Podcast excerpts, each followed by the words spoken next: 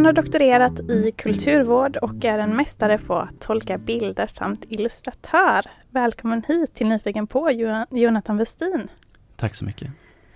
Eh, kan du berätta om lite vad det är du håller på att forska på? Ja, det är mycket om bilder, men mer exakt. Ja, jag forskar ju om de processer som ligger bakom skapandet av visuella representationer, alltså främst bilder om man ska förenkla det hela. Eh, det är ju inte bara så att en illustratör tar och tecknar upp någonting och så var det, utan det finns en rad olika aktanter som är involverade i den här processen. Det finns eh, tidigare bilder som man kanske refererar till när man gör de här. Det finns eh, krav på att vissa saker ska fokuseras på den här bilden. Det finns mottagaren som måste förstå vad det egentligen är man pratar om. Så alla de här bildar ett slags nätverk där den slutliga bilden blir som en produkt av. Säger alla bilder alltid så mycket?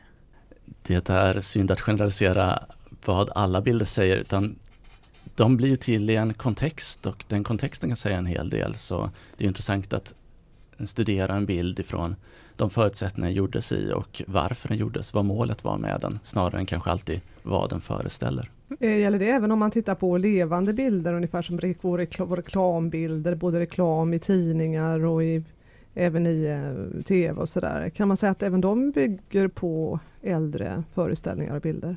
Det är intressant att du tar där och särskilt det som levande bilder. Hur, hur tänker du då? Jag menar att det är rörliga menar jag, så tänker jag. Ah, eh, det är ingen större skillnad egentligen på om det är rörligt eller stillbild. Det finns alltid någon som har tänkt till någonting, ett budskap med den som sen ska förmedlas.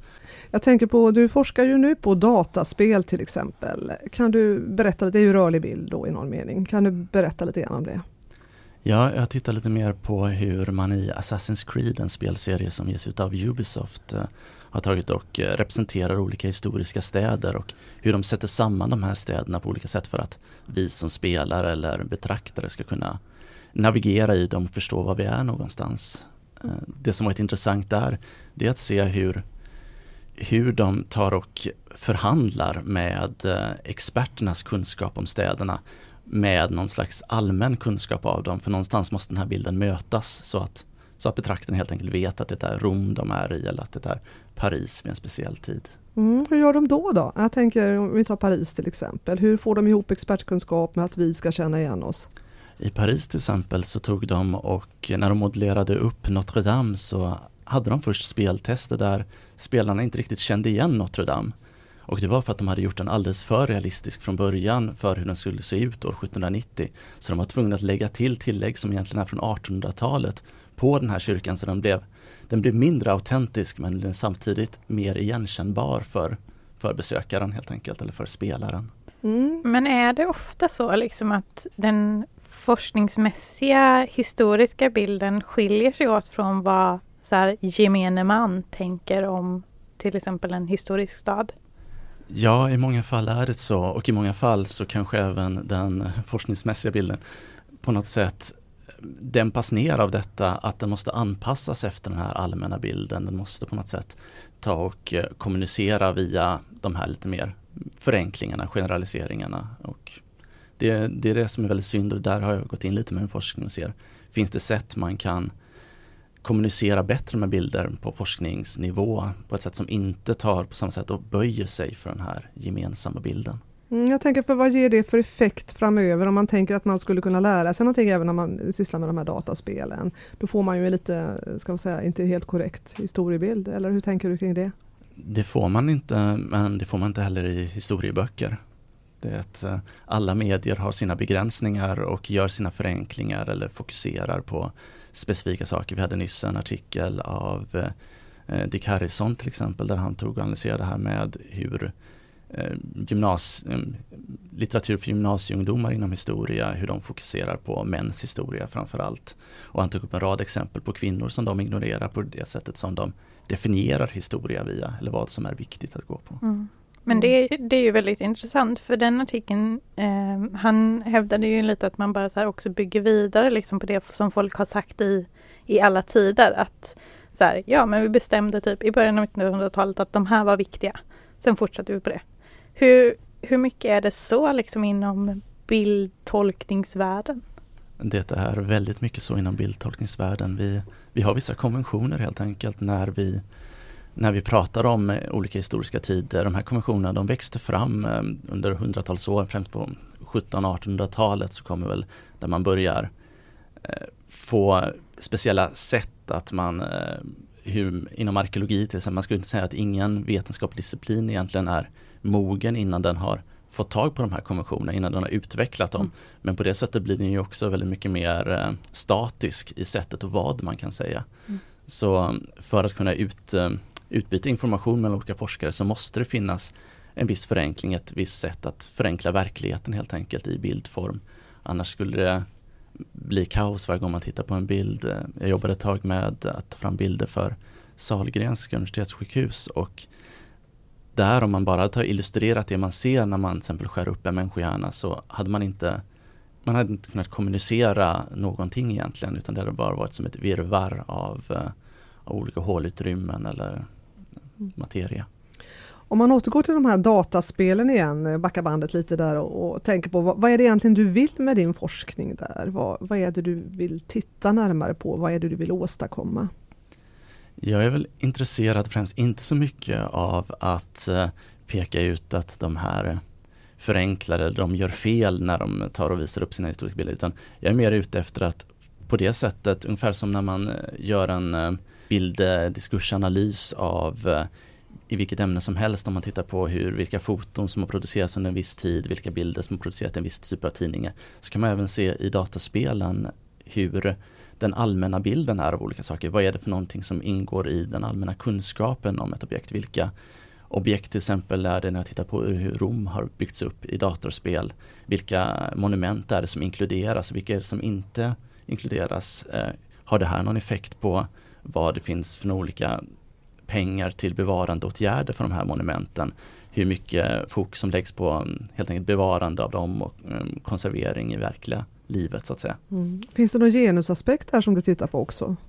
Eh, det har inte jag gjort i min forskning än, utan jag bara har tittat på, ja, dels har jag inte varit expert på, inom det området, men jag har många kollegor som har jobbat med genus, de tittat på historiska rekonstruktioner främst. Det finns de här klassiska familjekonstellationerna som inte visas upp i Vikingabyn mm. eller stenålders, ehm, ja, stenåldersbyn snarare, eller Vikingastaden där, där man ser ganska sådana stereotypa eh, föreställningar om vad olika personer sysslade med i samhället. Lisa, du pratade också om här förut just mm. eh, alltså hur bilderna befäst och bygger på varandra. Det, ja. ja. det var också väldigt intressant tyckte jag. Det, ja.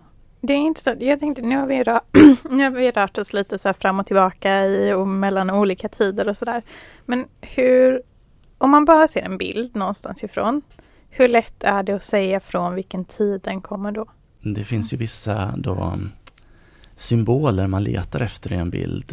Om man eh, med en gång säger att det här är en rekonstruktion av en plats mm. så är den typiska det att bara titta, är det vackert väder eller är det dåligt väder? Är det vackert väder så är det troligare att det är antiken än att det är medeltiden. Är det dåligt väder så är det nästan alltid medeltiden av någon anledning.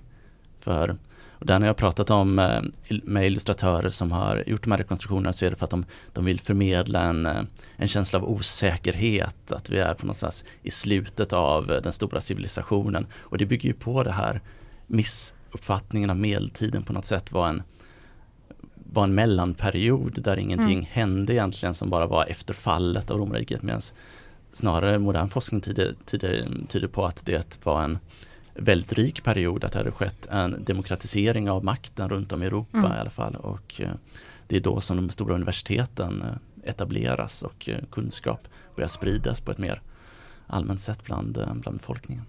Mm. Så det var inte så himla dåligt väder under medeltiden? De hade ju väl någon liten istid någonstans ja. där men det är inte Det är ingen anledning att jämt ge dem taskigt väder i alla rekonstruktioner. Nej. Folk ser så lite mer plågade ut också där. Jag experimenterar med det och gjort bilder av eh, som ska vara under antiken men faktiskt bara lagt in såna grejer som att någon som ser lite sjuk ut eller man har dåligt mm. väder. Man har en hund som jagar en annan hund.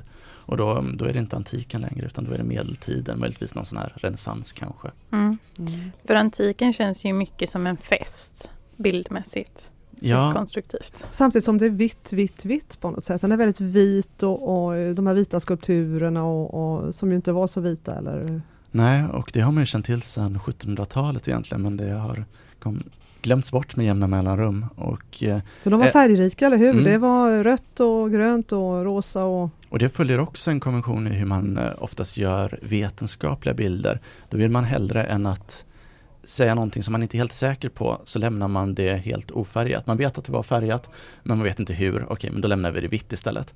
Men det tar ju den betraktaren och läser som att statyerna faktiskt var vita eller kolonnaderna var vita. Eh, Så det är också ett problem jag försöker ta upp i min forskning. Hur kan man ta och förmedla den här osäkerheten snarare? Kan man förmedla färg utan att säga exakta färger på olika sätt? Mm.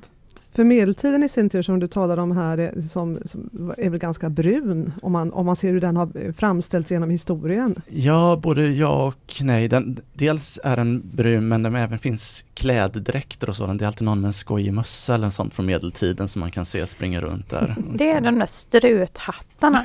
Ja, De fanns väl nästan inte ens eller typ jätte, jättekort tid och sen har alla struthattar i alla fall. det, det är väldigt problematiskt med de här struthattarna. Det är ungefär som tågan lite under antiken. att Det är också en sån här symbol att om man tar vackert väder, man har någon i sandaler och man har någon i tåga Mm. och sen vit staty, då är det garanterat antiken. Sen är antiken också ett ganska problematiskt koncept eftersom det var ju tusen år ungefär som vi Mm. säger den tiden som vi beräknar som antik. Och ja, räknar man in ännu tidigare inom antik så kan man dra ut under 3000 år om man är riktigt frikostig. Så Och ett gigantiskt område dessutom. Precis, det såg helt olika ut i olika delar av världen. Naturligtvis gick man inte eh, runt i um, lätta chiffonger uppe i um, de uh, utrymmena eller kolonierna som uh, romarriket hade i Britannien till exempel. Mm, Så. nej. Hur mycket finns bevarat egentligen bildmässigt från tiderna om man tittar långt tillbaka i tiden? Hur mycket har vi att gå på så att säga? Vi har väldigt mycket bilder, framförallt från medeltiden och sådant när det kommer in, men stiliserade och eh, som inte alltid följer så som vi tänker idag, att de ska vara fotorealistiska, vilket inte är speciellt realistiskt, men att de ska eh, visa någonting som det såg ut, utan det är mycket symbolvärde naturligtvis i bilderna och sådant. Speciellt eh, i den genren som vi har mycket bevarat som är inom eh, kyrkan. Eh, mm från, eh, från antiken så mm, dök det upp en hel del bilder framförallt i eh, Pompeji som tyvärr nu är många borta men eh, målades av i god tid. Och Mm. vi har, mm, så forskare använder sig ofta av de bilderna när de tittar på hur tempel kan ha sett ut för då kanske det finns på ett mynt kan det finnas bevarat eller så kan det finnas någon väggmålning som man ser där templet i bakgrunden. De viktigaste symbolerna som man vill ha fram i sina bilder då om man jämför antiken och medeltiden till exempel.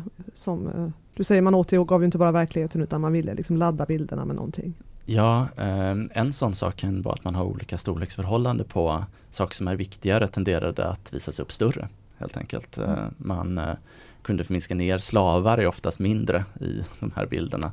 Eh, man kan också se heliga personer större och det är en tradition som går tillbaka till, ser vi redan, eh, egyptierna körde det temat också att eh, kungen eller, var mycket större än undersåtarna. Mm. Jag tänker tvärtom, Napoleon var ju större än vad han har återgetts men han å andra sidan förlorade ju till slutändan kriget. Eh, man har Ja, Napoleon var Var- några centimeter över medel eh, längd och inte en kort man Ja. alltså. Det är också så hur man kan liksom, hur man kan bevara en annan bild till eftervärlden än den som egentligen. Var Mm. han lika klotformig som han avbildat? Det vet jag faktiskt inte. Jag har inte, jag har inte sett några sådana tänk- beskrivningar av honom. Nej. Nej, men jag tänker bara att det också gör, eh, gör en del i bilderna. Hur, vilken proportion han har liksom, i förhållande till om han ser lång eller kort ut. Mm. Mm. Han Det- står ju ofta med så här, handen innanför, knuten innanför sin eh, rock. Mm. Det är en dålig pose för typ alla. Det är ju sådana grejer som också har spelat roll i olika tider. Går man tillbaka till antiken, där fanns det ju en väldigt det fanns en koppling mellan yttre skönhet och inre skönhet på ett helt annat sätt än vad vi skulle acceptera idag. Mm. Det fanns verkligen där mm, namnet för adeln var till exempel Kaloi Kayagathoi som betyder helt enkelt de vackra och de Mm. goda. Hur mycket av den kopplingen finns omedvetet kvar? Den finns, eh, den finns väl ganska mycket kvar tyvärr och det var på en, en i den här konferensen som jag anordnade för en vecka, en månad sedan det nu. Vi kanske ska berätta att det ja. var en konferens på Lindholmen som hette Challenge the past, diversify the future. Precis, Ja. Och som handlade om historien och bilden av historien. Precis. Och eh, där var det en av presentatörerna, han försökte problematisera det här med att, eh, antagonister oftast eh, visas upp på ett sätt att de kan ha något lyte eller de kan ha något, ja, något R eller någonting som gör mm. att de ser elaka ut. Ja, kan vi ta tillbaka även till exempel sådana här som Tyrannosaurus rex ser ju riktigt elak ut men det skulle vem som helst göra om man gjorde rekonstruktioner så som man normalt sett rekonstruerar de här typen av skräcködlor genom att mm. bara lägga på ett tunt lager hud uppe på ett skelett som man har. Nu för tiden nu när man börjar tänka om kring de här och de börjar man har insett att de faktiskt hade fjädrar och sådant istället för att vara jätteödlor. Och var de mer som stora kycklingar ja. mer eller mindre. Var inte vissa dinosaurier också ganska färgglada? Jo. Det tänker mig direkt att de är mindre skräckinjagande. Mm. Tyrannosaurus eh, rex mm. ska till exempel haft stora röda fjädrar som den ska kunna till exempel spärra upp för att kunna skrämmas. Ja men det, det är otroligt spännande det här med, tycker jag också, som ni nämner, färger och, och eh, form och sådär. Kan man se liksom att en viss tidsepok, till exempel att 1800-talet hade de och de färgerna, 1900-talet si och så och de formerna. Är, är det så? Jag skulle säga att det är så att vi ganska påverkade också av de medier som fanns mm, vid de tiderna. Jag satt och tittade på till exempel eh, den här senaste, nu har jag några år på nacken, men Indiana Jones-filmen och med en annan arkeolog och eh, han tog sen och sa till mig, ja, de har i alla fall som en enda positiv sak han ville säga om den här filmen, att de har fångat 50-talet väldigt bra. Och ingen av oss eh, var ju födda på 50-talet men vi tyckte båda två att jo men de har fått färgerna perfekt där. Det var det här lite mm. gulaktiga ljuset som man oftast ser i de här rekonstruktionerna. Och det är naturligtvis en, eh, en konvention i hur man tar och illustrerar den tiden vi har från krig som eh, krigsfilmer, andra världskriget, de har en viss färgskala de också som vi känner igen oss i. Man lägger ibland på en viss konighet på filmen också också vilket är väldigt konstigt eftersom man på något sätt vill efterhärma någon sorts konighet i fotografier från den tiden eller tidig filmteknik. Så man, man återskapar med hjälp av de här begränsningarna av tidiga tider. Därför har vi den här hitten med Instagram och sådant där man på något sätt vill nå tillbaks till någon sorts nostalgisk förlorad tid genom att lägga på begränsningar kopplade till, eh, till tekniken helt enkelt på den tiden. Så. Men det här med Instagram och sociala medier för ju oss in på vår egen tid. Eh, vad, vilka kommer liksom vara våra bilder? Vad kommer vi lämna efter oss? Hur kommer folk tolka oss i framtiden? Ja, det är jättesvårt att svara på. Det är också någonting som jag har diskuterat med kollegor egentligen. Vad är det som utmärker våra bilder? Eftersom vi tycker nu att vår teknik är så otroligt skarp och bra jämfört med hur den varit tidigare. Jaha. Så är det de här, man har redan märkt nu att pixlar är väldigt poppis nu för de, mm. de är mm. på väg ut på något sätt. Liksom. Så att eh, pixelgrafik fanns ju inte, eller pixelkonst fanns inte på samma sätt när faktiskt pixlar var en nödvändig sak att hantera på ett helt annat sätt utan det har kommit som några, ja, tio år senare liksom så har man gått tillbaks det och finns den här den här nostalgin kopplat till det. Men det är jättesvårt att tänka vad är det nu vi har nu? Har vi några JPEG-artefakter som när man ska härma videoklipp ifrån 2010-talet i framtiden. Hur gör man då för att visa att det här är riktigt gammalt? Är det helt enkelt att det inte är 3D liksom, fast det är ändå i HD? Men det finns ju en demokratisynpunkt i allt det här vi pratar om också, alltså på något sätt att eh, vi lämnar en bild av vår tid som ska föras vidare och i någon mening känns det bra om den är sann, eller? Ja, det känns jättebra om den är ja. sann. Och vi kan ju säga då att, liksom att det är också det, det conquest of, de, de som vinner skriver historien, så har det alltid mm. varit. Kan man korrigera saker i efterhand tror du? Jag tänker på det här med kvinnornas osynlighet i bilder och genom historien och så. Ja, det, det är ju en intressant fråga och det är väl något som kom upp om vi skulle gå tillbaka till den här diskussionen om eh, datorspel och sådant. När senaste Assassin's Creed släpptes för eh, ett år sedan ungefär så blev det en väldig debatt för att man inte kunde välja att vara en kvinnlig protagonist i det hela. Mm. Var på um, Ubisoft svarade, Ubisoft har ändå varit ganska okej, okay, då säger man en stor brasklapp här, att de har haft kvinnliga protagonister och det, det så illa är det att då är man ganska okej okay helt plötsligt inom den här genren. Mm. Men, eh, de tog och svarade att nej men det skulle inte vara realistiskt i den här situationen, den här historien vi vill berätta att ha en kvinna som protagonist. Men man kan ju då som motargument, vilket de även fick, att det är inte så realistiskt heller det man kan göra som, som man i det här. Man eh, kan springa upp, klättra upp på väggar, man, är, man kan slåss mot allt och alla helt enkelt, hoppa mellan hustak och allting sådant. Så om man nu kan släppa på en sån realism, varför kan man inte släppa på en annan typ av realism ja. då? Hela? Så nej, deras argument håller inte helt. Nej, det borde inte ha supermycket med kön att göra. Nej. Eh, men du är ju också illustratören har vi inte berört lika mycket. Nej. Nej, du illustrerar också och har gjort så väldigt länge. Ja. Vad är det som driver dig i det jobbet?